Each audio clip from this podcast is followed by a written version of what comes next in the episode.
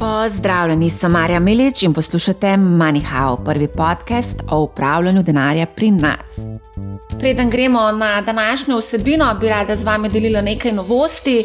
MoneyHow ima novo spletno stran, money-how.com, vabljeni, da si jo ogledate. Uh, poleg tega bi vas rada spomnila na dogodek MoneyHow Live, ki se bo zgodil 20. aprila v živo v Kristalni palači.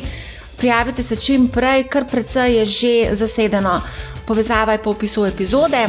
Številni mi tudi pišete, da bi radi podprli MoneyHow, zdaj imate tudi to možnost v sklopu MoneyHow Friends, gre za naročniško storitev v sklopu YouTube, povezava pa je tudi v opisu epizode.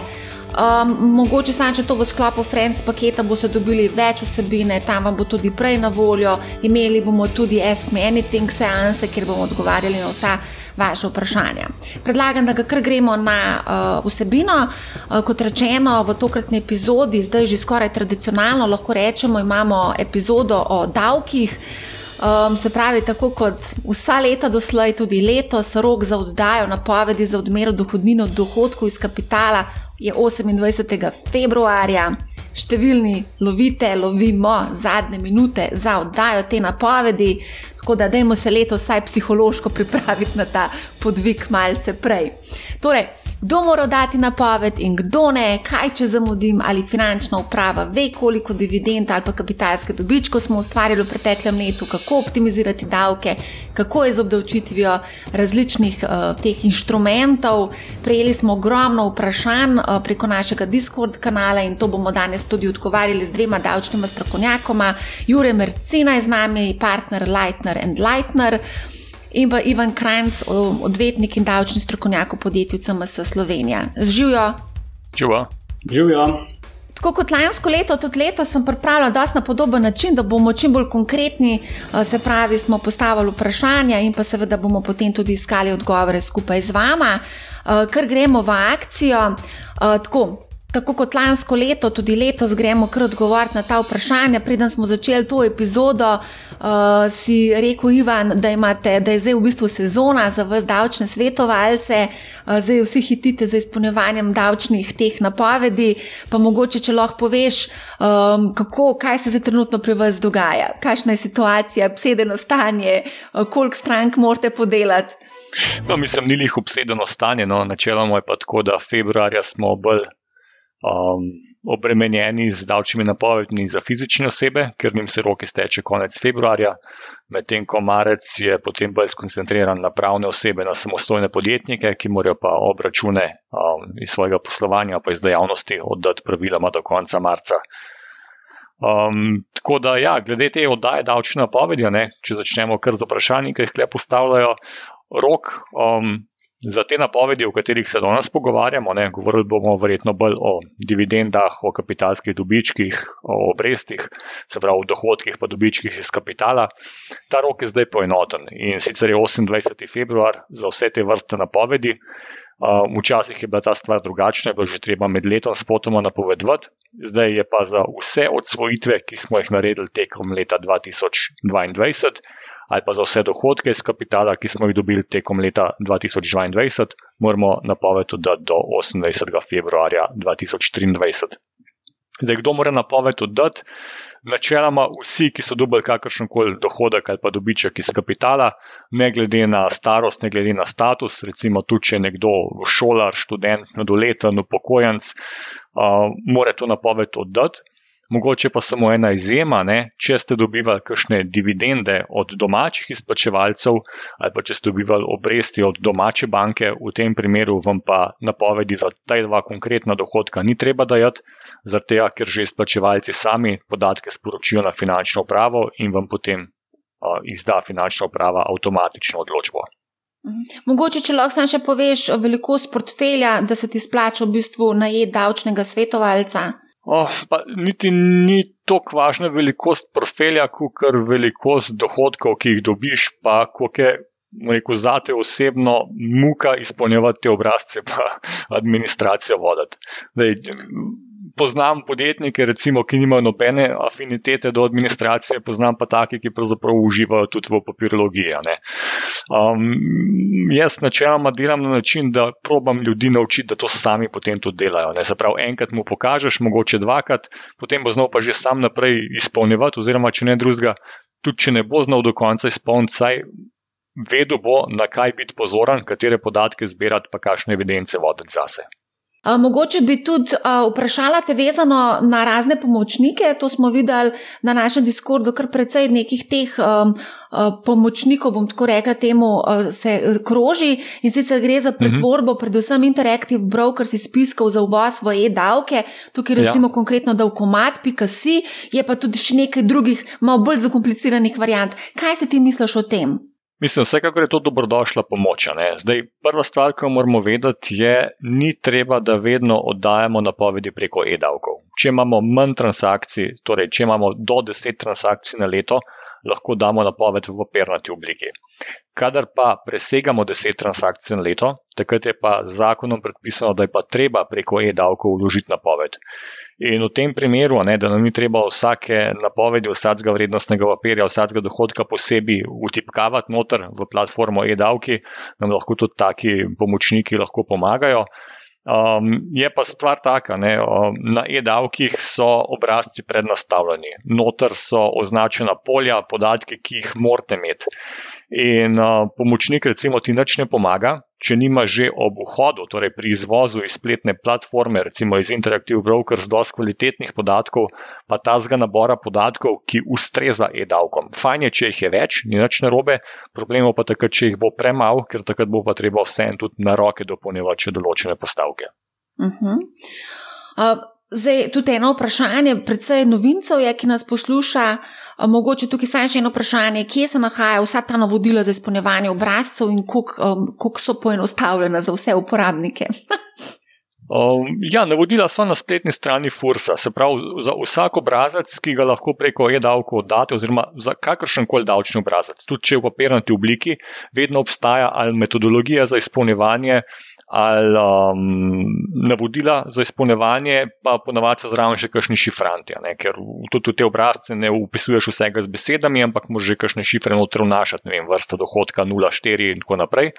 Uh, Skratka, je malo, rekel, davčne latovščine. Vse, kar je pa zadeva taka, no, da če si funkcionalno pismen, pa če znaš izpolniti, rekel, položnico na banki, uh, potem boš lahko tudi te obrazce izpolnil. Niso tako zakomplicirani. Ja, položnice.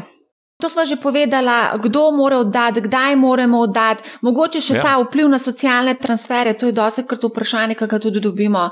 Prihodki iz kapitala, pa dobički iz kapitala, čeprav niso vključeni v vašo letno letni informativni izračun dohodnine, pa čeprav niso obdavčeni z letno stopno dohodnine, vsem predstavljajo dohodek. In tudi te dohodki se upoštevajo v tistih cenzusih, pa mejah za določene socialne transferje. Se pravi, če vi dobite obresti, dividende izplačene, realizirate kapitalski dobiček in dobite dohodek iz tega naslova, vam to gre v kvoto um, in lahko vpliva na socialni transfer. Plus še ena posebnost, no, tudi če se vrnemo nazaj, tukaj imaš lepo opombo napisano, da tudi mladoletni morajo dati napoved. Se pravi, če nekdo mladoletni dobiva dohodke iz naslova kapitala, ali pa recimo, če študent dobiva te dohodke, pa ga starši uveljavljajo kot olajšavo v svoji dohodninski napovedi, kot vzdržvanega družinskega člana, pri določenem dohodku se ta ugodnost neha. Ne. Se pravi, če ti sam kot mladoletni ali pa kot študent, ki te starši uveljavljajo kot vzdržvanega družinskega člana, na leto iz naslova dohodkov iz kapitala zaslužiš več, kot je splošna dohodninska olajšava, potem te starši ne morejo več uveljavljati kot vzdrževanega družinskega člana. To je treba paziti. Um, lahko rekel, nima lih katastrofalnih posledic, no, uh, ampak lahko pa poruši ta nek plan, ki ga ima družina, no, kar se davkov tiče, če so tako tax aware, da malo planirajo tudi s tem. Jure, pogovarjali smo se z Ivanom, smo se pogovarjali o tem, da je cel kup, eh, zdaj, da je v bistvu sezona vaša, koliko imaš pa ti kaj dela zdaj za oddajo napovedi. Ja, je, je kar velik dela, no? zato ker v bistvu sezona je tako pri obdočitvi fizičnih oseb, ne, do konca februarja, kot tudi na področju pravnih oseb, ne se zdaj pripravlja obračune davka od dohodkov pravnih oseb, tako da je kar, kar velik dela. No? Uh, gremo kar naprej, pa je tole vsebino, uh, kdaj da in kdaj ne, je potrebno prijaviti. Um, to je bilo zelo veliko vprašanj in sicer, ja, ali je potrebno tudi prijaviti na kup delnic oziroma naložb. Tega smo dobili res precej. To, da del, gremo zaenkrat za vse le pojasniti, ali treba tudi na kup delnice prijaviti. Ja, če, če lahko jaz začnem, no, potem vidim, no. da dopolnim, da če se ne strinjate. V zakonu piše, da ja, um, Furs pa pravi, da ne. Se pravi, um, v praksi no, um, niso ljudje vedno prijavljali nakupov delnic. Um, tudi jaz poznam ljudi, ki jih niso prijavljali in nihče zaradi tega še ni dobil globe. Mes je lansko leto je Furzdal tudi neko pojasnilo, da se samo tako imenovani kontrolni deleži uh, prijavljajo. Se pravi, če imaš več kot 25-odstotni delež, da to bi mogel prijaviti kot kapitalsko naložbo, vsega ostalega pa ne bi bilo treba. No. Tako da to je pa za moje pojme neka poenostavitev, uh, ki jo je Furz na rekovajih rečem, dovolil zavezancem. Ja, jaz se tukaj strinjam s tem, kar je Ivan povedal. No, edin mogoče lahko omenim, da pač ta prak kontrolnega deleža, verjetno je tukaj nek, ne vem, 25% ali 50%, ne vem, v bistvu nikjer ni predpisano. To so pač, furs je tako navodilo, da, da pač se tako v praksi izvaja, ampak manjka pa tukaj tudi neka zadnja zakonska podlaga in zelo verjetno je pa tudi vprašanje, ne, ali lahko na podlagi tako nejasnih predpisov sploh sankcioniraš uh, nekoga, ki tega ne prijavi. No, tako da jaz pa tudi ne, vem, ne poznam, da bi to glih eh, ljudje veliko prijavljali, no, teh, te, teh naložb. Ja, lansko leto je kar precej završalo, ko je prišla to, ta novica, sploh ni novica, ampak pač o tem se je začelo govoriti in dejansko uh, smo tudi takrat lansko leto to vse uh, natančno razisko, raziskali. Okay, a gremo naprej, primer dva, leto sem izključ, izključno samo kupoval, prodal pa nič. Ali, vseeno, karko, ali je potrebno karkoli prijaviti fursu preko e-davkov? Ne, ne, v to tem je, primeru ne dejansko isto. Ja. Se pravi, bistveno je, ali smo dosegli nek dohodek. Če smo prodali kapital, če smo dobili obresti ali če smo dobili dividendo, v tem primeru prijavljamo. Pa še to samo za primere, ko ne bo že slovenski splačevalc sam poročal. Vse ostalo, če samo kupujemo, to pa ni obdavčil dogodek in tega nam ni treba prijavljati. Torej, potem gremo naprej. Um, nisem nič prodajal, dobil sem pa nekaj dividend. Ali je to potrebno prijaviti? Ja, dividende je treba prijaviti ne, v vsakem primeru, ne glede na to, ali, ali v bistvu se je s temi instrumenti kaj dogajalo, v smislu prodaj, prenosov, ali pa jih je pač imetnik samo držal in dobil dividende. Tako da ni pa tudi neke spodnje, spodnje meje, ni. Tudi če vi dobite nek, nek zelo nizek znesek dividend, je to ravno tako treba prijaviti. Um, je pa potem pravilo, da če, znaša, če bi znašal odmerjen davek manj kot, uh, mislim, da je 10 ali 20 evrov, potem furs v bistvu 10, 10 ja, ja. potem furs niti ne izda odločbo, oziroma izda odločbo o tem, da se davek ne odmeri. Ne. Ampak to še ne pomeni, da vi niste dolžni napovedi vložiti. Napovedi treba po vsakem primeru vložiti. Mislim, lej, čist praktično, ne, 10 evrov davka pri dividendi, se pravi pri 25-odstotni stopni, pomeni, da za vsake dividende, ki presegajo 40 evrov, bi bilo treba napoved dati, oziroma napoved je treba v vsakem primeru dati, no, ampak če bo vrednost dividende pod 40 evrov, vam furs davka ne bo odmeril. Um, pa glede na povedi, ne, se to so pa z Juretom že lansko leto izpostavljala, če vi dobite dividende od slovenske družbe, recimo od Krke ali pa od Leka, ne, uh, vam posebej na povedi potem na konc leta ne bo treba dati, zato ker bojo že izplačevalci sami na furs sporočili, da so vam izplačali, tudi davek bo sproti že odtegnen in uh, dejansko ne boste imeli nobenih obveznosti glede poročanja ali pa plačila dodatno. Bi pa jaz v zvezi s tem mogoče še povedal en, en detajl, ki smo se z njim srečali v praksi. To pa je, če imate vi recimo neko tujo trgovalno platformo, pa dobite, pa pač ste delničar neke slovenske družbe, recimo vem, Krka ali pa Petrola. Ne?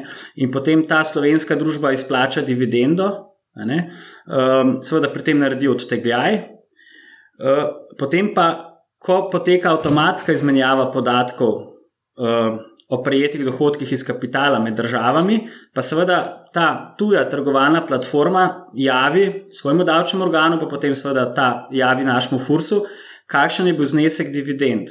In v, ta, in v ta znesek notor so vključene tudi slovenske dividende. In potem, kaj pride v praksi, a ne ste vi recimo vse napovedali, dividende, ki jih dobite iz tujine. Dividende od slovenskih izplačevalcev, seveda, niste napovedali, kar je prav, ker je bil že narejen odtegaj.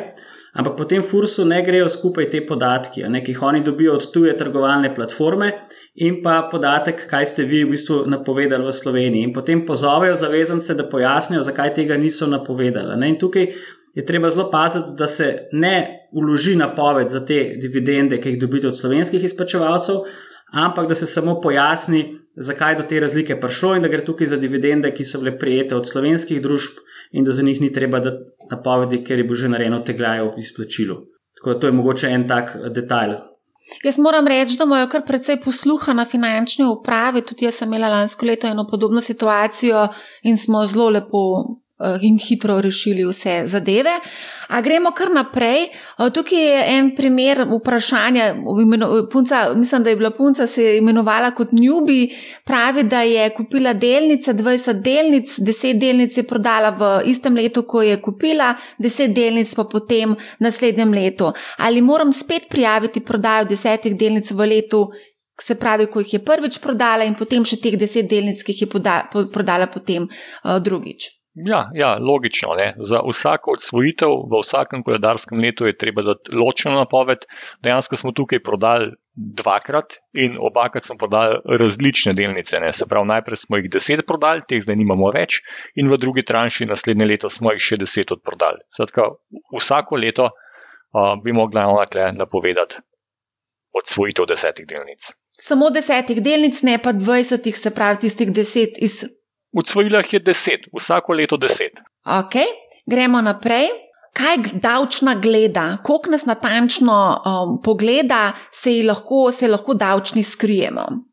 Ja, jaz mislim, da vsako leto manj, če se govorimo že glede skrivalnice. Ne. Um, zdaj, mogoče čist uh, nekaj informacij. Ne. Davčna, recimo, ima neposreden pogled na, na bančne račune, ki jih imamo mi odprte pri slovenskih bankah. Ne. Uh, kar se tiče tujih bančnih računov, neposrednega upogleda nima, ampak dobi vsako leto od, uh, v okviru avtomatske izmenjave informacij podatek o tem, kakšen je bil promet na tem računu.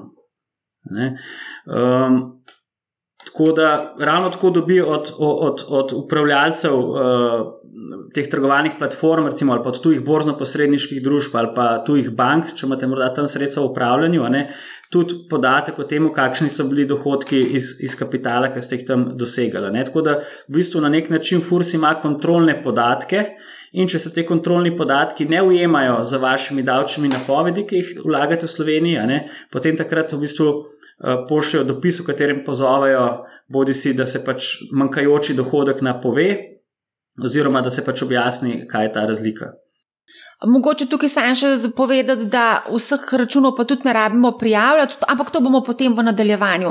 Še eno vprašanje je bilo glede predizpolnjenih podatkov. Eh, tukaj je konkretno vprašanje od Jona, ko sem lani vlagal napoved za odmero dohodnino dividend, mi je ostalo v spominu, da sem imel izbrano, da predizpolni podatke iz zadnjega vloženega dokumenta in sem moral samo popraviti vrednosti. Ostalo je bilo že vse izpolnjeno.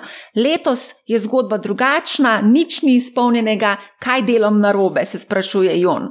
Ja, jaz sem šel uh, tudi sam pogledat, konkretno noter v, v e-davke, presepa. Uh, in v bistvu odgovora na to vprašanje nimam, ker tudi sam sem. Odkljukal tam, ne predizpolnjeno od lanskega leta za dividende, in mi ni, ni nič predizpolnjeno. Tako da lahko da gre tukaj za neko tehnično napako v, v e-davkih. No, ki... ki upajmo, da bo odpravljena do 28. Okay, gremo kar naprej. Uh, neprijavljena ali neresnična uh, prijava, uh, se pravi, pozabil sem prijaviti kapitalske dobičke, ali pa sem se zmotil pri oddaji. Uh, mogoče, če lahko poveste, koliko je teh primerov v praksi, kolikrat se ljudje zmotijo. Dogaja se tudi najboljši, če sem lahko iskrena, tudi najbolj izkušeni, ki zašuštrajo na vsake kvatre. Ja, mislim, če, če zadevo prijaviš pravočasno, pa noter narediš nek honest mistake, to ni problema. Vse se da razčistiti, če so kakšne diskrepance, furs vedno pozove na dopolnitev, na obrazložitev in tako naprej, to, da lahko na koncu izdajo odločbo tako, kot je treba. Um, bolje je samo prijava pomembna takrat, kadar kaj pozabimo, bodi si ker ali nimamo podatkov, pa zamudimo rok, ali pa ne vemo, se ne zavedamo, da smo naredili obdavčljivo transakcijo, pa se pol um, na to spomnimo ali nas pa upozorijo. Uh, v tem primeru samo prijave. Pravzaprav dobimo dve ugodnosti. Ne. Kot prva je, da se izognemo globi za prekršek, in druga prednost je, da imamo v tem primeru niže zamudne obresti od prepozno plačenega davka. Ja, tukaj prav davkarija so prav izpostavili, da se obračuna dodatna davčna obveznost plus zamudne obresti. Ja, od prepozno plačenega davka se vedno obračuna še zamudne obresti zraven. Zdaj, um, recimo pri pravnih osebah v inšpekcijah je zadeva taka. Ne? Če ti v inšpekciji odmerijo davek, dobiš 7% zamudne obresti, če v inšpekciji sam narediš samo prijavo, dobiš 5% zamudne obresti, če pa narediš samo prijavo popolnoma samostojno, preden se inšpekcija začne, pa samo 3%. Mislim, ko govoriš 3, 5, 7, je to zelo veliko, če pa spoh ti sta 7, je kar precej. No? Um, tukaj so tudi navedene globe od 250 do 400 evrov, če ne oddamo, oziroma 400 do 5000 evrov za ne, na, na, navedene nepravilne ali neresnične podatke. Preverila sem tudi pri Fursu, kdaj začnejo z nadzorom. Napisali so mi, da začnejo praktično takoj po izteku roka za oddajo napovedi, odvisni so pa od posameznega primera. Se pravi, v enostavnih primerih izvedejo rutinske kontrole, v bolj kompleksnih pa gredo v bolj poglobljen nadzor dokazila, kaj je potrebno vse preložiti, kakšno dokumentacijo, mogoče če lahko še povemo. Ja, zdaj mi običajno uh, priložimo zraven tudi neka dokazila. Ne, uh, ne zgolj, da napovemo nek dohodek, ampak tudi uh, damo zraven neke, neke izpise iz teh trgovalnih platform, ne, s čimer tudi v bistvu nekako dokazujemo to. No. A te vaše stranke bolj trgujejo preko slovenskih brokerjev, oziroma brokerjev, ki so tukaj v Sloveniji, ali imajo tudi tuje brokerje? Um, naše stranke imajo glavno tuje brokerje. No? Da, ali pa imajo recimo premoženje pri, pri kakšnih tujih bankah v upravljanju. A, to so individualno upravljanje, ali kako? Um, ja. V bistvu, ja, velike stranke, tudi kjer je individualno upravljanje, v bistvu ne kjer stranka, kjer, kjer ta oseba sama trguje, ampak za njo nekdo drug trguje. Ne. Tako da To so predvsem mogoče kakšne malo bolj, da jim rečem, ta starejši profil stranka, uh, medtem ko mlajši so pa večinoma tisti, ki sami trgujejo. Ne. A pa mlajši tudi se obrnejo na davčne strokovnjake? Uh, ja, seveda, tudi, tudi smo imeli nekaj vprašanj. Vprašam. Evo, optimizacija, to vsi si želimo. Uh, Jure, ti si omenil za eno zadevo, ki jo je letos se splača uh, izkoristiti, pa ti bom kar predala besedo. Jaz sem sicer tukaj napisala, ampak boš ti lepo to objasnil. Ja, um, omenil bi, da v bistvu gre za eno posebnost, ki se uporablja samo za leto 2022. Ne? V drugem letu, v 2023, tega ne bo več možno uporabiti, zaradi tega, ker je prišlo do spremembe zakona v tem delu. Um, gre pa za opcijo, da si zavezanec lahko sam izbere, da se bojo tudi njegovi dohodki iz, iz kapitala in pa iz najemnin uštevali v letno dohodninsko osnovo in bili posledično obdavčeni po progresivnih davčnih stopnjah. Torej, vemo, da je trenutna uh, splošna uh, ureditev, je, da so dohodki iz kapitala obdavčeni cedularno, torej po fiksnih davčnih stopnjah in se ne uštevajo v letno dohodninsko osnovo. Um, Kdaj se pa to zavezancem splača? Ne splača se v vseh tistih primerih, ko bo davčna stopnja, po kateri bi bili obdavčeni te dohodki iz kapitala, če, če se bi uštevali v letno dohodninsko osnovo, da je ta davčna stopnja nižja od pa teh predpisanih cedularnih stopenj. Torej, te cedularne stopnje so 25%, a ne za dividende, pa za odsvojitve do 5 let pri kapitalskih dobičkih potem padajo vsakih 5 let do 15%, 15% potem pa so po, pač po 15 letih ti dobički neobdavčeni. Ne? Um, zdaj, za kater profil v bistvu vlagateljev je to zanimivo? To je zanimivo predvsem za tiste, uh, ki recimo zaradi tega, ker ne dosegajo recimo dohodkov iz zaposlitve. Ali pa kakšnih drugih dohodkov, ki se števajo v letno dohodninsko osnovo, imajo še neizkoriščeno splošno olešavo. Tako da recimo splošna lešava je 4500 evrov bila za lansko leto. in če nimate dohodkov iz zaposlitve, recimo, ki bi že nekako, da jim rečemo, po domače porabili to davčno olešavo, jo lahko s tem v, v bistvu uporabite za vaše dohodke iz kapitala. Zelo poenostavno, ne? če ste normiran SP, bi ta situacija oziroma ta institut v letu 2020 zelo prav prišel, ker boste lahko svojo osnovo za kapitalske dobičke po dohodke z kapitala znižali za 4500 evrov. Ni pa nujno, ne, da bo pa to ugodno. Ne. Če ste imeli veliko dohodkov iz tega naslova, se z nas zgodi, da bo pa tudi efektivna davčna stopna presegla tistih 25, ki bi jih sicer plačali. Tako da v vsakem primeru je treba narediti izračun. Um, pa, če imam jaz prav spomin, je treba dati neko posebno izjavo na Fursa, ne, da boš uporabil to možnost. Uh, ja, mislim, kot sem jaz gledal, je treba v bistvu to v govor za informativni izračun dohodnine uh, uveljavljati in tam mm. to mhm. napovedati. Ne. Ko se pravi, ne gre avtomatično, ne moreš nek opt-in narediti.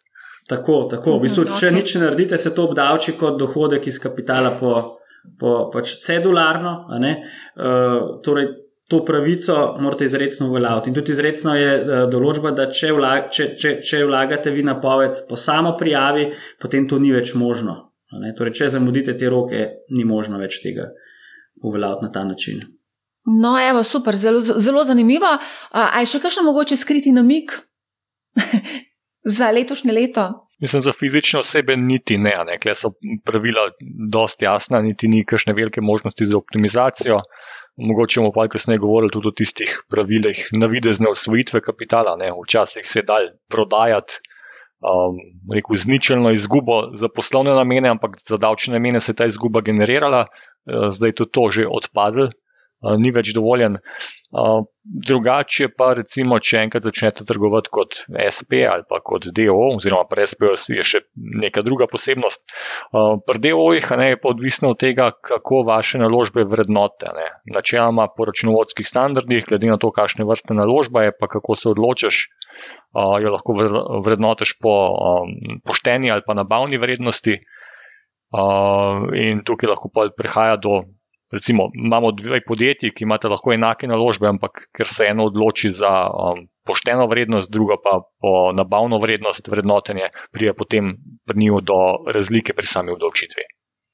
Je pa to, mu rekel, že malo višja matematika v primerjavi s tem, kar delajo fizične osebe pri napovedi kapitalskih dobičkov pa dohodkov iz kapitala. Ja, jaz bi mogoče omenil še to, ne, če bi se recimo odločili za trgovanje, recimo, da držite naložbe preko, preko družbe, preko nekega DO-ja. Ne, je prednost predvsem pri dividendah, zato ker prijete dividende se na ravni uh, uh, DO-ja izuzemajo iz davčne osnove. Sveda, ok, so tukaj še neki pogoji da ne smete za neko družbo iz, iz, iz davčnih oaz, ampak v osnovi, če gledamo neke borzne družbe, ne, eh, se lahko ta izuzem naredi, medtem ko pri fizičnih osebah je pa treba plačati 25-odstotni davek. Uh, tako da, seveda, je treba tukaj vzeti v obzir tudi pač neke stroške, ki jih imate z DO-jem, tako da to se v bistvu splača, samo če imate že sami po sebi v portfelju bolj um, ste usmerjeni k dividendnim delnicam, ne, oziroma potrebujete ta denarni tok, ne, pa se s tem v bistvu lahko ta uh, obdavčitev. Odloži do trenutka, ko boste potem, recimo, izplačali dobiček iz tega DO-ja na, na um, ne vas kot fizično osebo, ali pa na eni točki potem, recimo, zaprli ta DO, pa celo mogoče po 15 letih neobdavčeno prišli do tega. Kdaj pa se ti, na kateri točki se ti pa splača odpreti SP ali pa DOO, um, če, če, želil, če se ukvarjaš samo z trgovanjem, z investiranjem in ne z drugo dejavnostjo? Ja, mislim, da poleg tega, kdaj se splača, je prvo vprašanje, kdaj bi pa mogel.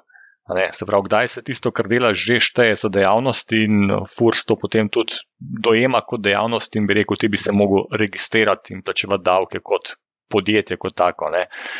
Um, pri SP-ju je mogoče ena posebnost, ne, da ti naložb, oziroma rekel, tako klasičnih naložb, kot jih imaš kot fizična oseba, ne moreš voditi vseh kot SP. Moraš obvezno potem odpreti del, če hočeš naložbo prenesti oziroma dobiva dohodke iz nje na neko drugo entiteto, ne nas osebno. Um, glede velikosti, ne, je pa tudi odvisno od, kot prvo, denarnega toka, koliko dobivaš dohodkov iz tega, in kot drugo, kakšni so stroški upravljanja, pozdrževanja te entitete, ki jo imaš. Se pravi, za DO se moraš zavedati, da moraš najprej imeti 7500 evrov osnovnega kapitala, pa recimo, da že imaš neke naložbe, pa jih lahko daš kot stvarni vložek noter, ampak potem je treba tudi mesečno imeti stroške um, transakcijskega računa, ki ga mora imeti del odprtega pri banki kot poslovni račun, je bistveno dražji kot za fizične osebe, in pa potem tudi stroški compliance, se pravi računovodstvo, redni davčni obračuni. Uh, pa vsi ostali stroški, ki jih imate, recimo tudi z najemom prostora, registracija uh, poslovnega naslova, in tako naprej. Uh mhm. -huh. Zanimivo. A, gremo naprej. Davčne stopnje. Letos ni nobenih sprememb, čeprav se je lansko leto govorilo, da mogoče celo bodo spremembe. Se pravi, to ostane nespremenjeno, tako kot je v bistvu tukaj tudi v tabeli uh, zapisano. Do 5 let 25%, med 5 in 10, 20, od 10 do 15, 15 odstotkov in od 15. leta, oziroma več, če imamo uh, 15 let in več držimo naložbo, je pa nič procentov. Ja, to drži. No. Dve stvari bi mogoče kle omenil. Naložbeno obdobje je ostalo enako. V primerjavi z lanskim letom se je višina davka za ta prvi razred, se pravi naložbe do 5 let, znižala iz 27,5 na 25. Um, in druga stvar, ki se jo moramo zavedati, je, da um, ta tabelica, ki jo imamo, velja izključno za kapitalske dobičke. Medtem ko za dividende pa za obresti vedno velja 25% davčna stopnja, ne glede na to, koliko časa držimo naložbo, iz katere dobimo pol ta dohodek. Mogoče še to vprašanje po 15 letih, kaj se zgodi, ali moramo prijaviti ali ne, oziroma oddati napoved. Ja, po 15 letih v bistvu napovedi ni več treba vložiti. Tako je bilo tudi stališče Fursa. Uh, tako da v tem primeru ni treba vlagati na povedi. No, oziroma, stališče bo takrat še za 20 let, ampak smiselno enako, zdaj se je to preneslo na 15 let, s tem, ko se je tudi skrajšalo to obdobje, po katerih so odsvojitve neobdavčene. Gremo naprej. Davčna reforma um, bo letos, oziroma letos, v letošnjem letu je napovedana velika davčna reforma. Kako vidva, kaj vidva pričakujete, kdaj jo pričakujete, kako se v bistvu obnašati kot vlagatelj. Ne, to je tudi zelo pomembno vprašanje, ko se odločamo za investicije. Če zelo grdo povem, nabavite kristalno kroglo. um, davčno okolje v Sloveniji je zelo nepredvidljivo. No. Preveč hitro se spreminjajo predpisi, ki jih imamo, davčne stopnje, načini obdavčenja, uh, da bi lahko se obravnavali kot neko stabilno okolje, ki je varno za investitorje. Ne. Tako da še vedno smo dost banana republika, kar se tega tiče. Res je, da za leto 2024 so napovedali neko večjo reformo. Um, vlada oziroma ministrstvo finance nekako predvideva, da bi do poletja lahko imeli nek predlog ali pa osnutek tega, kaj se bo dogajalo.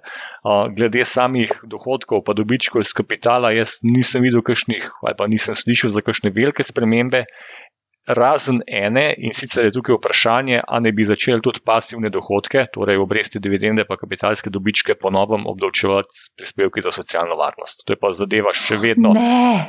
odprta, pa za moje pojme bo predvsej kontroverzna. Oje, še to, še to. Mi imamo Mislim, že mi... toliko teh prispevkov na našo plačo, pa da nam bojo še na to obesali neke prispevke, katastrofalno, če se ta scenarij zgodi. Sorry. Ja, mislim, drži. Načeloma, da zdaj veljalo, da se s prispevki obdavčuje aktivne dohodke, se pravi dohodke iz dela, medtem ko dohodkov iz kapitala naj se ne bi obdavčevali s prispevki. Uh, res pa je, da ta ideja ni nova. Ne? Že par let nazaj se je govorilo, da ne bi se šlo v to smer. Um, na ta način se da zelo hitro nafilati te um, socialne, pokojninske, zdravstveno blagajno. Vprašanje pa je eno, kakšen bo odpor javnosti do tukaj, ne? oziroma kakšen je pol interes kapitala. Vedeti moramo namreč, da če mi bolj obdavčimo delo, bojo delavci težko pobegnili ven iz Slovenije, medtem ko kapital se da pa dosti hitro preseliti ven. In o tem bomo tudi imeli posebno epizodo, kako preseliti kapital iz Slovenije. Ja, ja, jaz bi rekel, da nekako še vedno ostajamo optimisti, no, da se ta scenarij ne bo uresničil. No, seveda, ne moramo ga pa povsem izključiti. Ne. Je pa mogoče to potem še en dodaten razlog, zakaj je mogoče portfelj prenesti na, na kakšno entiteto oziroma DO, da se izognemo to vrstnim učinkom. Ja, to bomo potem pregravali te scenarije. Gremo kar naprej. To smo dobili kar precej teh vprašanj na našem Discord kanalu in sicer, da so dobili obvestilo od Interactive Brokersa in Cap Traderja, da bi morali izpolniti Ireland um, interest tax form 836, kaj to sploh pomeni in kako ne bi to izgledalo v praksi. Ali ste videli mogoče tukaj pogledala? Ne, čisto konkretno tega primera ne poznam, no, je pa ponavadi stvar taka, da kadar broker od tebe zahteva izpolnjevanje kakršnih koli obrazcev ali pa potrjevanje kakršnih koli obrazcev strani lokalne davčne uprave, je to ponavadi namenjen temu, da se davčni odtegljaj na viru, se pravi ob izplačilu dohodka, zniža in da vam gre to dejansko v korist. Uh mhm. -huh. Jure, bi ti še kaj mogoče dodal? Um, Meni tudi ta konkreten primer ni poznan, no, ampak uh, verjetno gre za nekaj takega. Ne? Sploh, recimo, če se tukaj zahteva zraven še kakšno potrdilo o davčnem rezidentstvu Slovenije. Pri teh obrazcih, ne pa potrdilih, ki jih zahteva v vašem lokalnem davčnem rezidentu, gre za sledečo zadevo. Um, v praksi lahko pride do dvojne obdavčitve. Pa niti ne toliko do dvojne obdavčitve, kot do nekega začasnega zamika, ko je lahko pobranga več davka, kot bi ga bilo treba pobrati. Gre pa predvsem za to, da vsaka država lahko sama določi, po kakšni stopni bojo odtegnili davek od takih dohodkov, ne, recimo je to od vem, 20, 25, 30 odstotkov. Uh, in ob izplačilu dohodka iz tujine vam dejansko ta davek tudi odtegnejo, recimo, da vam ga odtegnejo po 30 odstotkov. Vi, kot slovenski davčni rezident, morate ta dohodek vseeno napovedati tudi v Sloveniji in od tega uh, plačati v Sloveniji davek. Pri nas je recimo dividend 25 odstotkov. Um, davek, ki ste ga plačali v tujini, vam bo slovenska davčna uprava upoštevala kot v tujini plačen davek in vam bo za njega znižala lokalno davčno obveznost. Ampak pri tem obstaja tudi omejitev. Namreč ne bojo vam pustili znižati kar za cel davek, ki ste ga plačali v tujini, ampak običajno je to največ za 15%, kar je po mednarodni konvenciji za gibanje dvojnega obdavčenja največja dovoljena stopna. In te obrazce se ponovadi uporabljajo ravno zaradi tega, da se lokalni otegljaj v tujini zniža na teh 15% in da ne preplačujete davka v tujini. Greva naprej. Se pravi, ali moram napovedati tudi izgube? To je res eno tako spet zelo, zelo pogosto vprašanje. Ja, lejte, klej je brez veze govoriti o izgubah po dobičkih. Treba je govoriti o tem, da je treba napovedati transakcijo. In če ste vi odsvojili nek kapital, ne glede na to, da ste naredili dobiček ali izgubo, morate to transakcijo napovedati.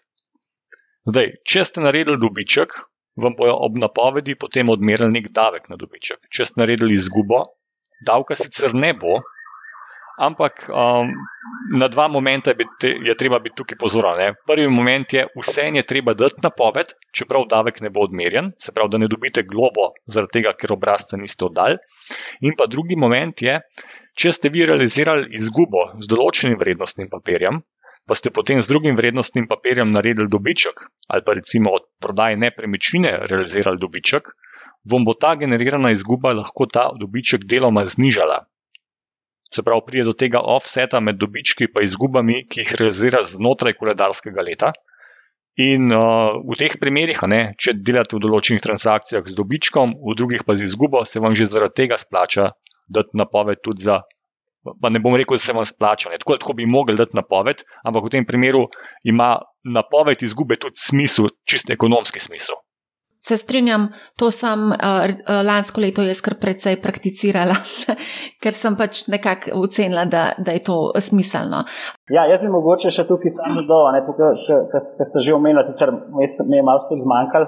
Um, če imate v portfelju ne, neko zgubarsko naložbo, mogoče je smiselno držati do trenutka, ko boste prodali tudi neko naložbo za dobičkom. Ne, in v tistem letu potem tudi to zgubarsko naložbo prodate z namenom ustvarjanja tega kovanega davčnega ščita, ne, da pride do tega pobota in da potem mhm. plačate uh, manj davka. Ja, kaj pa v špekulativnih izgubah, bomo o tem kaj povedali? No, mislim, lahko na hitro, ne ta pravilo na videsne odsvojitve kapitala. Um, o tem smo tudi že dosti govorili. No. Dejansko gre za to, ne, čist, kaj je logika za tem. Uh, vsakeč, ko ti odsvojiš nek kapital, ti force pri transakciji prizna tudi neke normirane stroške. Običajno ti priznajo strošek v višini 1% nabavne vrednosti in 1% prodajne vrednosti kapitala. Zdaj pa, če ti v istem trenutku prodaš vrednostni papir in ga kupiš nazaj, si ga prodal in kupil za isto vrednost. Se pravi, ekonomsko se tvoje premoženje ni nič spremenilo, ampak za davčne namene si pridobil 2% normiranih stroškov. In če to narediš 50 krat, dobiš normirane stroške v višini tvoje naložbe. In ljudje so začeli v preteklosti to izkoriščati, zato da bi offsetali svoje dobičke, zaradi tega je first stvar za brenzov. In že koliko je ne, štiri leta nazaj, ali že celo več, so uh, uvedli to pravilo navidezne odsvojitve kapitala, kjer so rekli, da se normiranih stroškov ne bo, ne bo priznal, če boste vi znotraj 60-dnevnega roka, se pravi 30 dni pred odsvojitvijo kapitala ali pa 30 dni po odsvojitvi kapitala, pridobili isto vrstni vrednostni papir nazaj. To je ena stvar. In pa druga stvar, ponovim, je tudi, da ti normiranih stroškov ne bojo priznali za več, kot si ustvaril samega dobička pri o, transakciji z vrednostnim papirjem. Se pravi, ne moreš več z zaporednimi prodajami akumulirati normiranih o, stroškov. Ja, zdaj mogoče še dodal, da ne samo normiranih stroškov, ampak ne, če pride do, do, do demo reč prodaje, pa ponovnega nakupa v manj kot 30 dneh, ti tista izguba celoti, tista prvotna izguba, ki si jo s prvo prodajo ustvaril, ni priznana. Ne, torej ne moreš za to izgubo pobotati z dobički, uh, ki si jih sicer ustvaril pri drugih vrednostnih papirjih. Um, kar šibajmo naprej, prijava računov, to je tisto, kar sem na začetku povedala. Zdaj je zelo veliko vprašanj. Vsakeč, ko se pojavi nek nov broker, dobimo vprašanje, ali to moram prijaviti uh, na Forsu. Tukaj je glavni in ključen podarek: trgovalni računi se ne prijavljajo, plačilni da. Trade Republic je trgovalni račun, torej se nam, nam ga ni treba prijaviti Forsu. Tako da je tukaj še kaj. Magic Word tukaj je IBAN koda. Se pravi, če imate vi na računu IBAN kodo, da ga lahko uporabljate za prejem denarja in za plačevanje, potem je to plačilni račun, ki ga je treba prijaviti. Da, To je to. Jaz mislim, da gremo lahko naprej. Uh, ja, delnice zelo veliko udaril dobijo naši poslušalci od raznih brokerjev ali pa ker sodelujejo v raznih anketah in podobno, in potem seveda dobijo tudi uh, delnico od recimo brokerja, to je v primeru Interactive Brokers. Uh, tako, uh, zdaj pa vprašanje, ki se tukaj pojavi, kako se, uh, kako se plača davek na dobiček, ko tako delnico prodaš po tržni ceni lahko mogoče pomagate odgovoriti našemu poslušalcu? Ja, um, zdaj tukaj je treba malo paziti. Ne? Če vi dobite neko delnico kot nagrado ali pa kot mogoče neko kompenzacijo za to, da ste nekje sodelovali, ne? ali pa v nekih nagradnih igrah, ne? tukaj potem sam prejem te delnice, to ni dohodek iz kapitala, ampak v bistvu govorimo o drugem dohodku. Ne? Um, zdaj, če recimo se mogoče navežem na pač neke nagradne igre, ne, so recimo do 42 evrov, če to prejmete, je neobdavčeno. Ne. Če pa vrednost tega presega, je pa treba dati napoved in vam bo FURS na podlagi vložene napovedi odmeril uh, akontacijo dohodnine od drugega dohodka. Ne, ta akontacija se odmeri po stopni 25 odstotkov, uh, drugi dohodki pa se potem uštevajo v letno dohodninsko osnovo, kar pomeni, da če bo vaša efektivna davčna stopnja na letni ravni višja, eh, boste mogli še to razliko tam doplačati. Torej, to, je ena, to je prvi korak, ko vi to delnico prejmete. Naslednji korak je pa potem, ko vi to delnico prodate.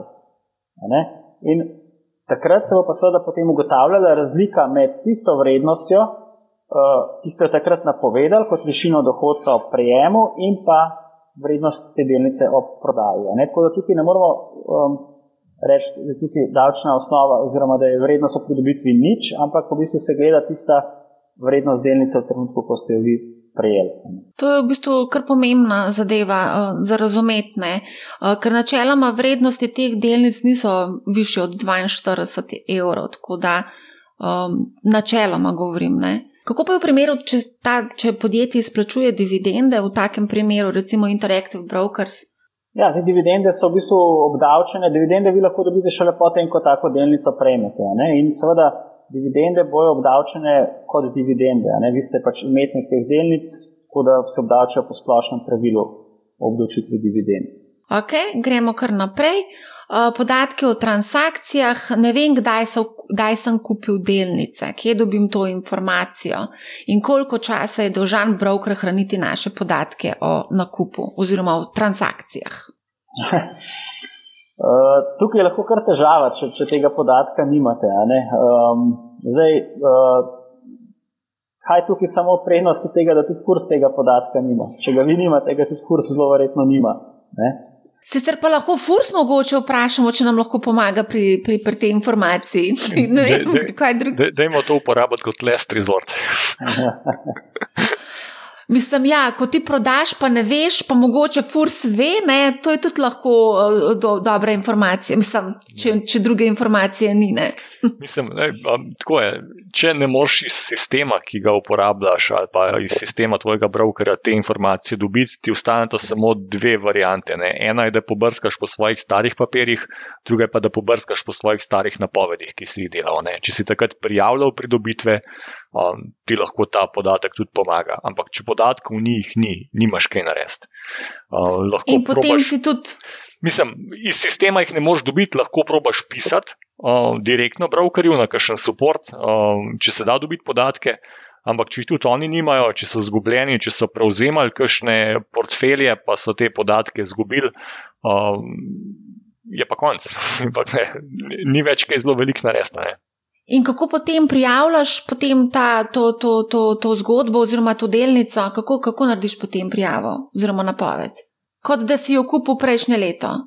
Ja, nekega pravila tukaj ja. ni, ne? v praksi je to lahko zelo velika težava. Bi pa še nekaj poudaril, ne? da tukaj um, se ne zanašati samo na podatke brokerja, ne? pa potem, pač, ko, ko, ko ne boste imeli podatek, da se krivda zvoli na brokerja. Ne? Ker davčni zavezanc sam je dolžan, je tisti, ki je dolžan hraniti te podatke, ki so pomembni za obdavčitev.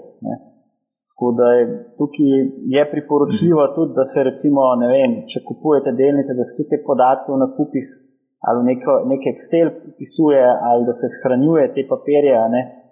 Ker nikoli ne veste, ne, kdaj pride do nekega prevzema ali pa celo broker se zapre, pa takrat bo njim zelo vse, tudi če boste vi ne vem zakaj prosili, sploh če je to nek tuj broker, ne bojo oni veliko časa ravno zgubljati z vami, no, ko ja, kdo reče. Glede hrambe teh podatkov, kot je rekel, vsak je dolžen sam zagotoviti podatke. Zdaj, tukaj se ne nanašati samo na ta petletni ali pa desetletni zastaralni rok za davke.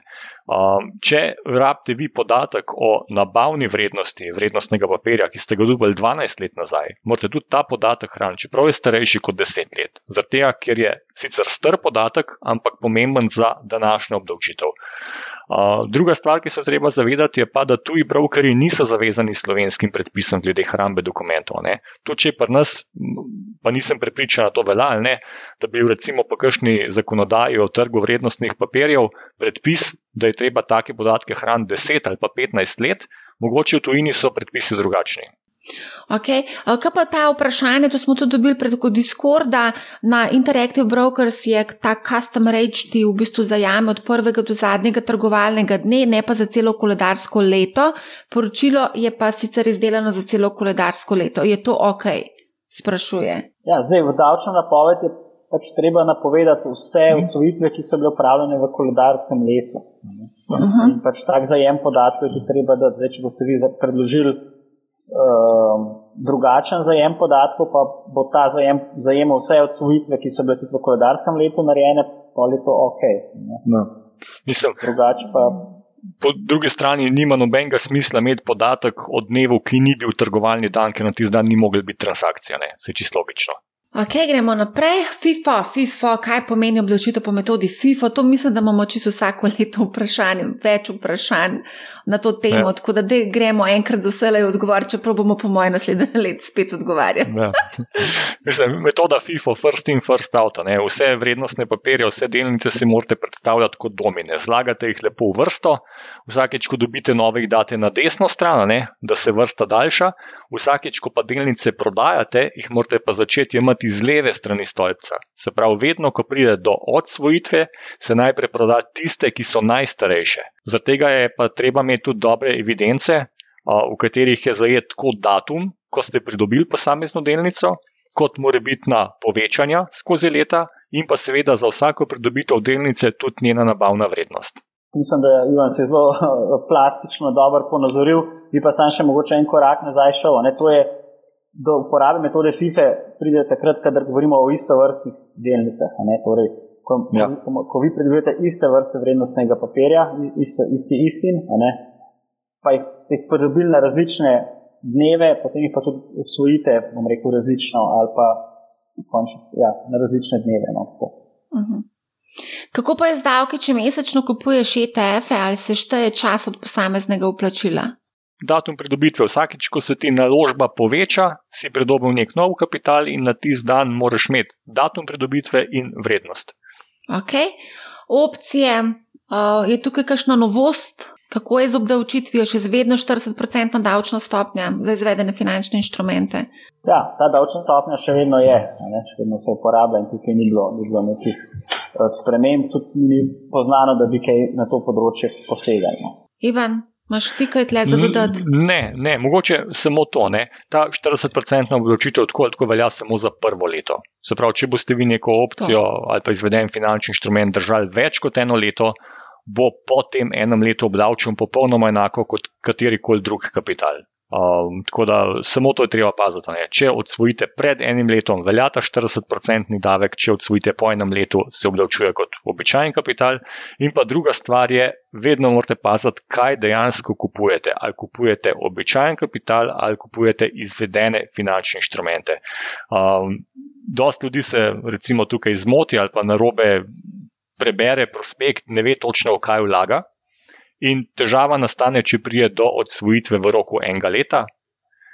Če pride pa do odsvojitve po enem letu, bo pa stvar obdavčena na enak način, čeprav po rekel, drugem členu zakona oziroma preko drugega obrazca. To verjetno govoriš o, o e-toru. Številni poslušalci so nas opozorili, da preko e-tora zelo hitro lahko se ti zgodi nakup CFD-ja. Ja, CFD je tak rekel, tipičen derivativ, izveden finančni inštrument. Uh, in če ga odsvojiš pred potekom enega leta, je treba to napovedati na obrazcu za izvedene finančne inštrumente in tudi plačati 40% davek na uh, realiziran dobiček. Če spoh veš, da je to CFD, to tudi moram povedati. Ja, smešno se sliši, ja, ampak dejansko ja, ja, se je ja, zgodil ja. tudi najboljšim finančnim strokovnjakom, da so zašuštrali. Je pa res, da je zdaj na e-toru to malo bolj označeno, kot je bilo v preteklih letih. Tako da zdaj, po moje, bi to mogel vedeti. No? Um, a gremo kar naprej, frakcija delnice, to je za nekaj, kar je posebno običajnega, vsaj v tujini, pri nas se mi zdi, da še ni možno kupovati frakcije delnice. Kako je z dividendo v primeru nakupa frakcije delnice in kako se to prijavi, enako tudi z uh, kapitalskim dobičkom, oziroma ko prodaš frakcijo delnice. Kako je s tem? Ja, frakcija delnice je v bistvu nek uh, sorazmeren del delnice. Torej, če jaz prav razumem, ne, ne kupiš cele delnice, ampak recimo polovičko. Ne? Uh, in tukaj tudi nekih posebnosti ni. Ne? Pač se napove, recimo, nič cela pet, pa nabavna vrednost, prodajna vrednost, in seveda, ko se to zmoži, se dobi davčno, davčno osnovo. Uh, in enako, verjetno tudi z dividendo. Ne? Če imate frakcijo delnice, potem ne dobite poln znesek dividende, ampak samo sorazmeren del. In ta sorazmeren del se potem tudi uh, napove na napovedi za, za dividendo. Ivan, bi ti kaj dodal? Ne, ne, tukaj res ni ne, nobene posebnosti, samo ne. številke so manjše. Zdaj je tako, ne? zdaj je trend tudi v svetu in pa tudi v Evropi, da v bistvu dobivamo obresti za neinvestiran denar pri brokerju. Z dvigom ključnih obrestnih mer se je pač tudi to pojavilo. Kar nekaj teh trgovalnih platform tudi uporabljajo te obresti za to, da privabljajo stranke. Recimo tak primer je Trade Republic, ki v bistvu ponuja na na neinvestirana sredstva 2 odstotka. Če smo včasih plačevali ležarine, danes v bistvu nas nagrajuje zato, ker imamo denar tam. Ne? Kako pa je recimo v, s plačilom davka na obresti v tem primeru, ko dobimo recimo od Trade Republic 2% na leto? Ja, jaz mislim, da v tem primeru bi davek bilo treba plačati. Mi sicer poznamo eno posebnost, ta oprostitev obresti do 1000 evrov, ampak pri tej oprostitvi treba paziti dve stvari. Kot prvo, velja samo za obresti, ki jih dobite iz bank iz Evropske unije, in kot drugo, velja samo za obresti v višini običajnih avista obresti. Se pravi, obresti, ki jih dobite iz naslova depozitov in presegajo avista obresti, praviloma niso upravičene do te olajšave in je treba na njih plačati 25-odstotni davek.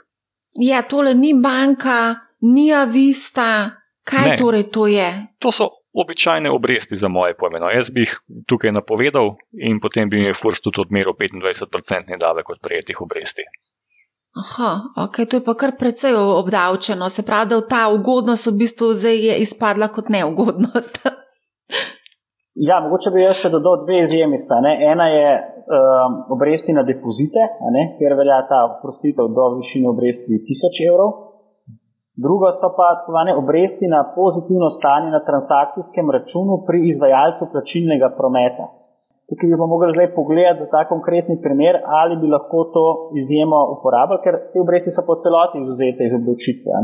Sem prebral sem zakonsko dikcijo, to je druga točka 82. člena zakona o dohodnini. Ne. Torej, prvo vprašanje je, ali je to transakcijski račun ali ne. In pa drugo vprašanje je, ali je v bistvu to izvajalec plačilnega prometa, torej Trade Republic. Ne. Transakcijski račun to ni, drugač bi ga mogli tudi prijaviti, verjetno na FURS. Ja. Izjeme ne moreš ponuditi. Tako da to definitivno je še malce za raziskati. Bom jaz to vprašanje poslala tudi FURS-u, kar je vsekakor zanimivo vprašanje. Um, a gremo kar naprej. Uh, dividende, To smo za danes že kar precej povedali. Um, zdaj, kako je z obdavčitvijo dividend, to smo povedali 25%. Uh, kaj pa dividende, ki so bile izplačene večkrat na leto, se sešteje znesek vseh, kako je potem to treba uh, urediti vse te zadeve. Ker nekatere družbe izplačujejo večkrat na leto, spoh v tujini. Ja, če je bilo več izplačil letno, je žal tako, da je treba pač vsako posebej poročati. Zato, ker je v bistvu obveznost stavine napovedi datum prejema dividende ne? in bi treba pač potem žal to vse. To je kar velik glavobor, spah pri teh. Ja. Ja, čeprav počrto je čisto vse, kdaj znotraj leta ste dobili, tudi če bi na koncu leta bi si sam kumulativno napovedal, bi bil znesek davka enak. Zdaj Apple in drugi te v Ameriki izplačujejo res kar precej pogosto um, uh, te dividende, se pravi, v bistvu res ima še zelo veliko dela z prijavljanjem uh, teh dividend uh, Fursu. Uh, na, iz, na lastnih izkušnjah lahko povem, da je to kar precej zamudno pravilo. Um, ok, gremo naprej, kje dobiti podatek o odstavku in členu mednarodne pogodbe, ki ga je potrebno navesti v e-davkih pri napovedi dividend, konkretno za Nemčijo. To pa ne vem, če sploh pride v poštev za slovenske zavezance, ker to se običajno nanaša na oprostitve, kadar uh mhm. -huh. nerezident dobi dividendo. Kako pa dobimo sicer podatke o davčni številki, identifikacijski številki in naslovu vseh teh, ki izplačujejo dividende v drugih državah EU in pa ZDA? To moraš pa malo verjetno pogooglati, ali kako. Ja. ja, jaz mislim, da sploh, ok, večina, glavni tisti podatek je osnovni podatek, vedno iz SIN koda. Na tej podlagi ja. se tudi potem, to je kot neke vrste emšo, neke, nekega vrednostnega papirja. Ne?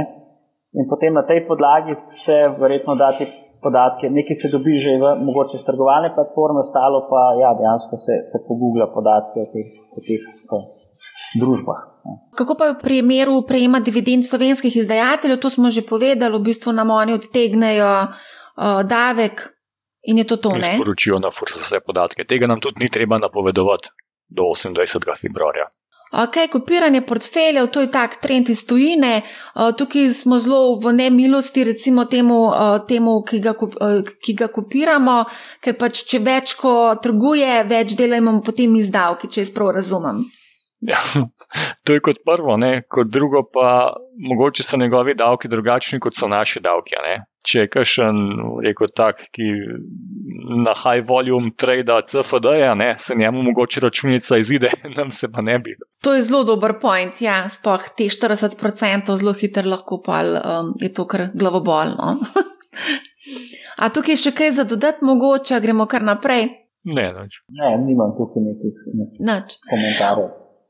Vzajemni skladi, uh, prodal sem vzajemne sklade domače slovenske torej družbe oziroma družbe, ki je za upravljanje, v, ki, ki ima sedež v Sloveniji. Uh, ali to moram prijaviti FURS-u ali to stori DZU na mesto mene? Same prodaje morate ravno tako sami, sami v bistvu prijaviti FURS-u.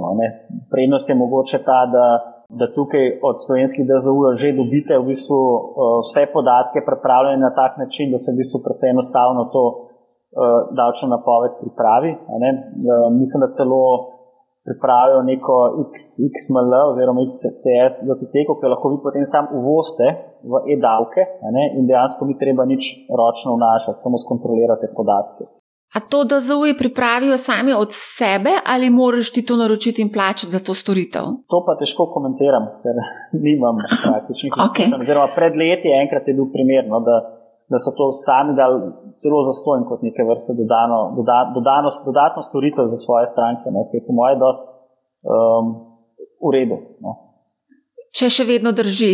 Ja, to lahko predstavlja neko konkurenčno prednost, ne, recimo slovenske borzno-posredniške družbe napram tujim, ne, uh, da se pač ni treba potem uh, preveč ubijati za napovedi. Ja, kar se pa tiče borzno-posredniških družb, je pa zgodba malce drugačna, je pa potreba to, kot sem jaz gledala, za to storitev plačati. Za, za to, da ti pripravijo podatke, ni to zastonska storitev. To, pri družbah za upravljanje, DZU-jih, ki imajo vzajemne sklade, ne, je bilo pa pred leti, zdaj ne vem, kako je, so pa pač pripravili te podatke. Um, a gremo kar naprej.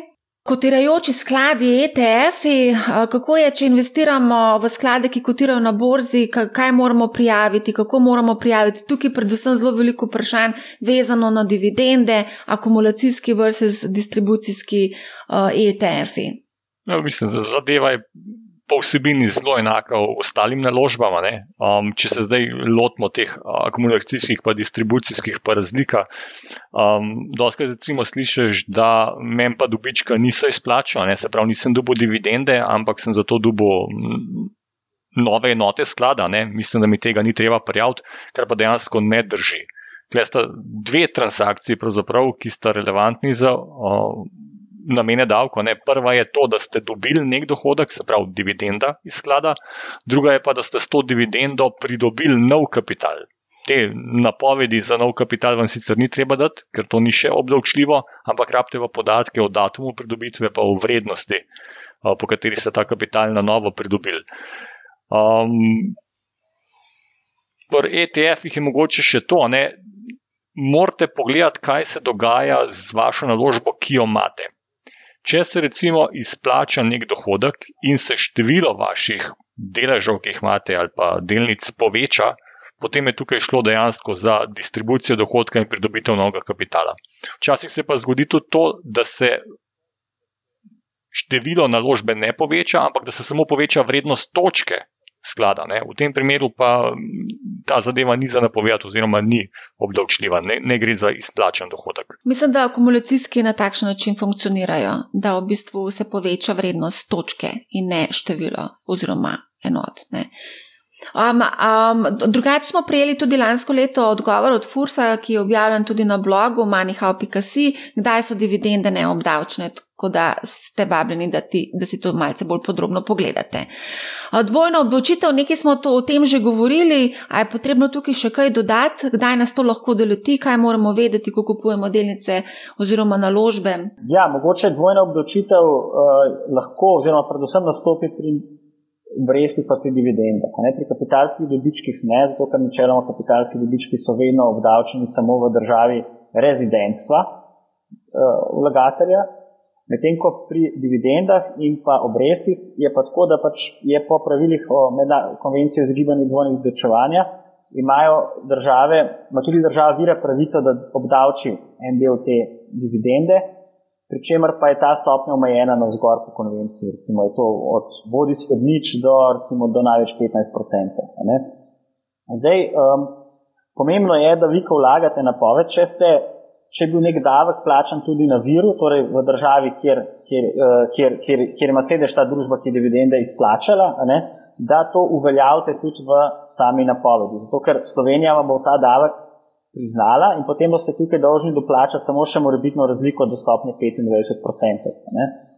Uh, je pa treba tudi paziti, da Slovenija prizna ta v tujini plačen davek največ do tiste višine oziroma do tiste stopnje, ki je dogovorjena v konvenciji o izogibanju dvojnega obdavčevanja med Slovenijo in pa državo, v kateri je ta družba izplačevalka. Tako da tiste morebiten presežek bi pa mogli teoretično iti v državo vira, kjer je ta družba in tam od lokalne davčne uprave to zahtevati nazaj. Ne? Kar pa v večini primerov, razen če se ne, ne gre za neke vi, večje zneske, ne, um, se ne splača. Oziroma je to kar mhm. težko. Zato tudi mogoče. Drago je. Um, drago je, ja, sploh če govorimo o kakšnih nemških družbah ali karkoli. Zato tudi večinoma tudi ETF in to, ki, ki izplačujejo dividende, so ponovadi ustanovljeni v nekih državah, kjer tega davka na viru ni, ne recimo najbolj znan primer je Luksemburg. Um, aktivno trgovanje, tukaj imamo eno vprašanje. Um, kako postopate k poročanju davkov, oziroma k oddaji napovedi um, davčne? 500 nakupov in prodaj, um, samo terminske pogodbe. Zanima me predvsem vidik obvladovanja tako velikega števila tradov v povezavi s poročanjem na FURS. Kako vi dva gledate na to, ker to, če si aktiven trgovalec, pa imaš 500 transakcij, to je kar veliko, ne? Je veliko in za vse te transakcije moraš imeti podatke. Dejansko vse, vse, te, vse prodaje, ki so se zgodile, jih moraš napovedati kot prodaje, in pa seveda moraš imeti podatke tudi o nakupih, že zaradi zar tega, da sporočiš te prave osnove za obdavčitev.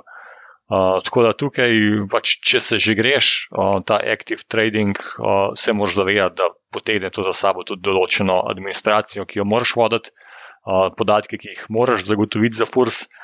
Uh, naslednje vprašanje je pa, ali to predstavlja že dejavnost za te. Se pravi, če imaš ti to um, nekega bota, ki ti sam trade uh, in si zraven, recimo, redno zaposlen, se pa imaš nek um, aktivni prihodek, uh, potem načeloma to ne bi moglo kvalificirati kot tvoja glavna dejavnost, če pa od tega živiš, ali pa še hujše, ne? Če tradaš tudi z denarjem, ki ti ga drugi dajo, v tem primeru pa jaz mislim, da tukaj že gre za dejavnost. Um, ja, oznake. Tukaj se je en primer uh, zgodil in sicer, da kupuje delnico uh, šele za oznako, pač taka, kakršna je, in potem se je oznaka zamenjala v drugo oznako. Kako v bistvu zdaj to prijaviti Fursu? Mm. Ker isin je tukaj ključen. Ne?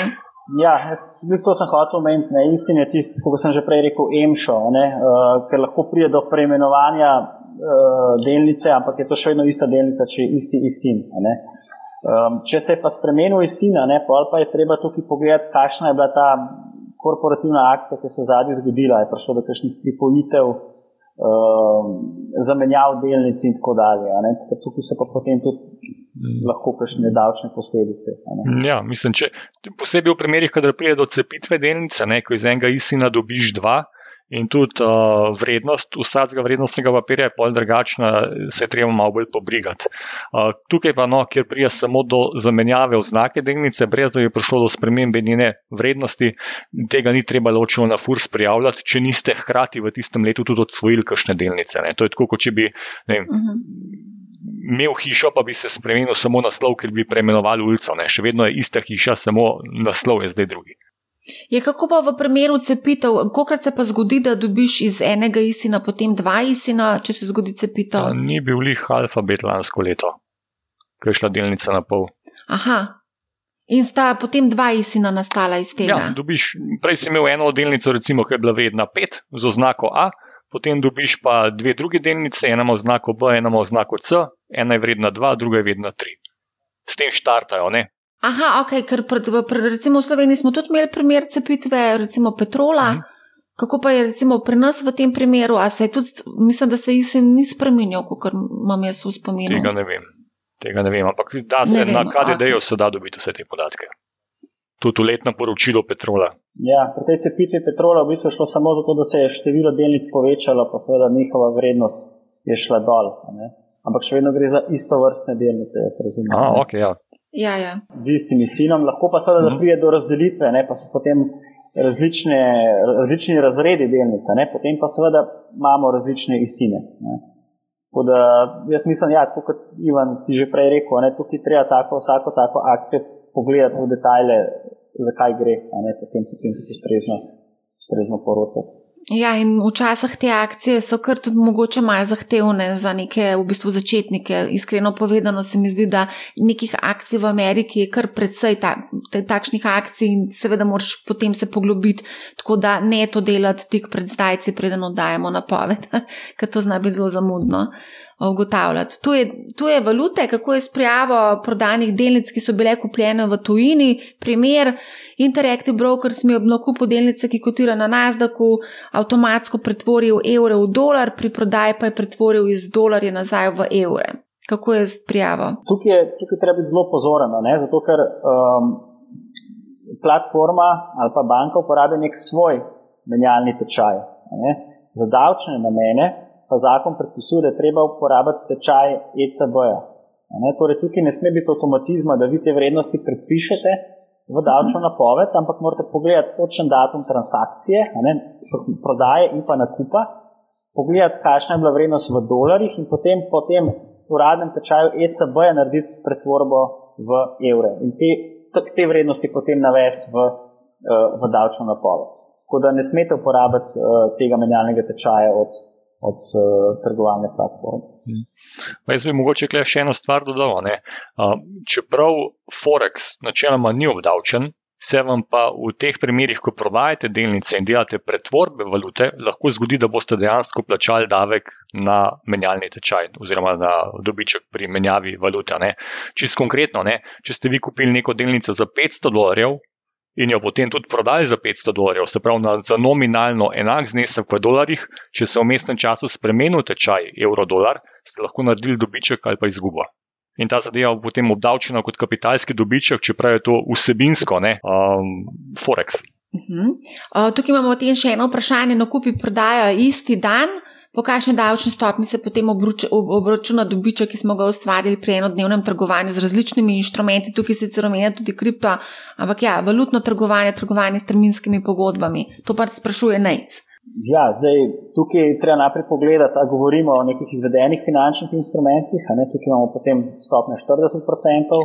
Če pa gre za, za neke vrednostne papirje, je pa stopnja potem 25%. Kripto ni obdavčen, valutno trgovanje, kot se rekel uh, Ivan, pa tudi ne. ne? Uh, nakup ali vložek, kaj je razlika? To je tudi eno tako vprašanje uh, pri izpolnjevanju napovedi. Uh, kaj je razlika med nakupom in vložek kapitala in kateri je pravi za enostaven nakup ETF-a? Po defaultu je izbran vložek kapitala. To sprašuje Martin. Ja, zdaj, če ste vi kupili to na, na, na borzi, je pravilna nakup, ne, ne vložek kapitala. Medtem ko vložek kapitala je v primeru, da ste vi recimo ustanovili DO, pa ste takrat plačali ta začetni kapital, takrat je treba pač potem, da to kot vložek kapitala. Drugače pa nakup. Ja, vsebinsko, nakup. za namen obdavčitve je pa popolnoma enako. Uh mhm. -huh. Kriptodavki, kaj bo zdaj s tem? Ja.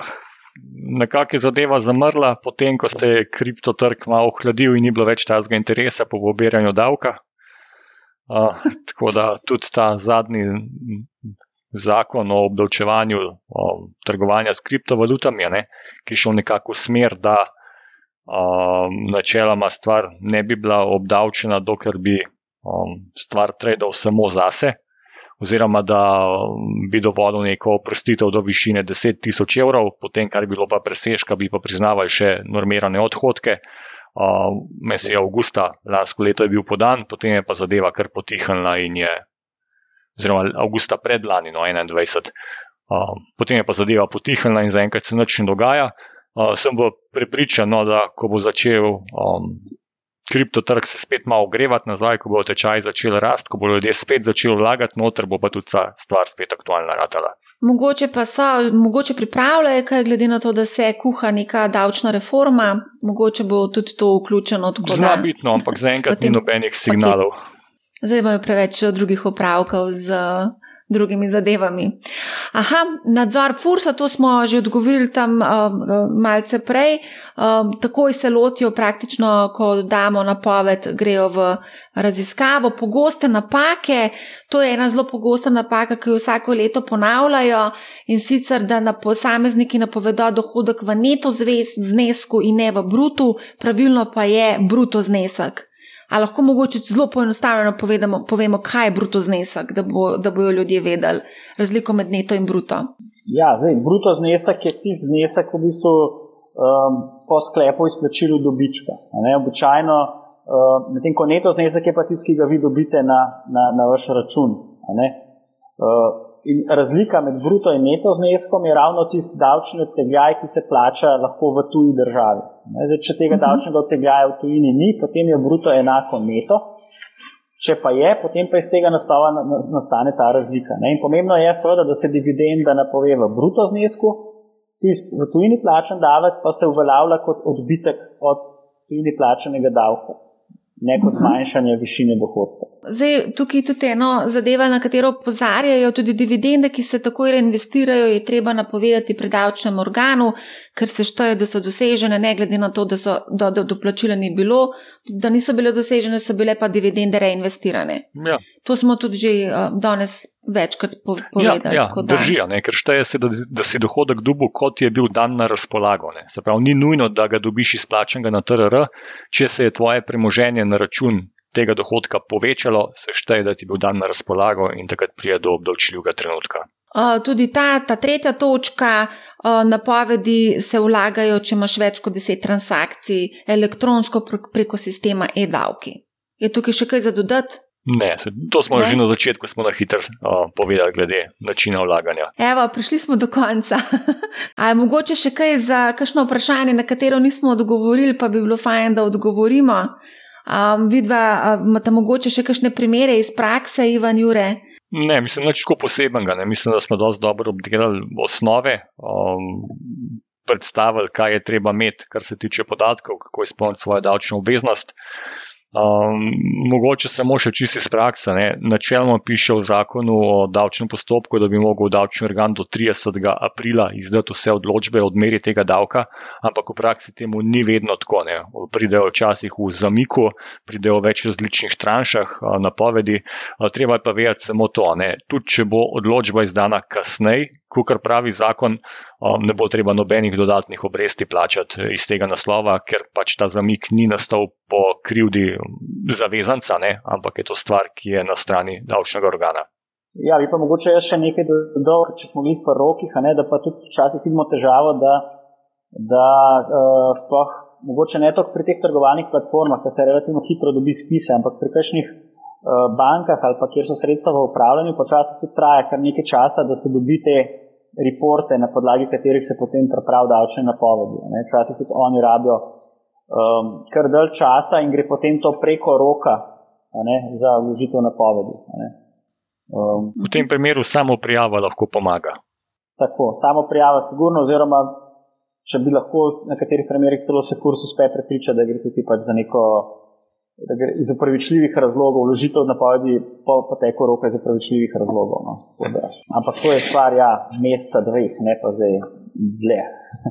Okay. Jaz mislim, da smo odgovorili na več ali manj ključno vprašanje. Mislim, da bodo gledalci tudi z veseljem si to epizodo pogledali na YouTubu, pa tudi kakšno vprašanje. Enostavno, moraš si malo časa vzeti, da skonzumiraš vso to vsebino. Ko je govor o davkih, je treba si malo več časa za to vzeti. Zahvaljujem se vam za zato da sta investirala ta čas, da sta poučila naše gledalce in poslušalce o davkih. Tik pred zdajci, 28. februarja, jih bo treba oddati. Prepričana sem, da bo marsikdo lovil, lovil zadnjo minuto, zadnjo sekundo, tako kot je slansko leto, tik pred polnočjo. tako da letos, letos sem pa rekel, da se to ne bo zgodilo in imam že kar precej pripravljeno za oddajo. Da, kako pa pri vama, sta tudi vidva pripravljena že na, na te avanture 28. 30. februarja. ne, ne, čisto zgrito, ne še, še treba se prišljimati.